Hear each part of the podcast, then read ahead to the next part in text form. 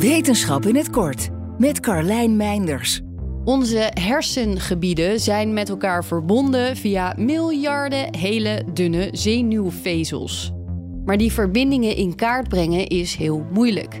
Ze zitten soms dicht op elkaar gepakt en kunnen in elkaar verstrikt zitten. Toch is het onderzoekers in Delft nu samen met collega's in Duitsland en de VS wel gelukt.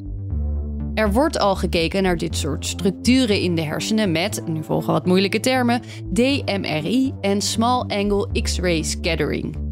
Nu laat Mirjam Menzel van de TU Delft zien dat een derde, door haar ontwikkelde techniek, Scattered Light Imaging, het nog beter doet. Hoe het werkt? Ze schijnen vanuit verschillende hoeken licht door haardunne hersenplakjes heen en analyseren de patronen die ontstaan door het verstrooide licht. Ze maken dus geen foto van neuronen of synapsen, maar kijken hoe ze bedraad zijn. En juist dat is belangrijk om te begrijpen hoe de hersenen functioneren en wat er mis kan gaan. SLI, zoals de techniek afgekort heet, heeft een hogere resolutie en is goedkoper en sneller dan de andere technieken. Metingen kunnen daarnaast worden uitgevoerd met een eenvoudige LED-lamp en camera.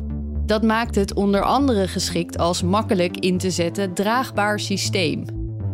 Het team is nu van plan om SLI ook toe te passen op andere soorten vezels, zoals spier- en collageenvezels. En om het weefselgebied dat kan worden bestudeerd te vergroten. Wil je elke dag een wetenschapsnieuwtje? Abonneer je dan op Wetenschap vandaag. Spotify is partner van Wetenschap vandaag.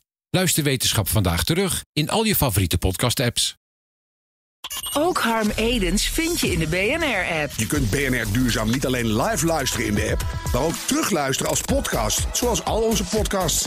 En naast dat de BNR-app Breaking News meldt, houden we je ook op de hoogte van het laatste zakelijke nieuws. Download nu de gratis BNR-app en blijf scherp.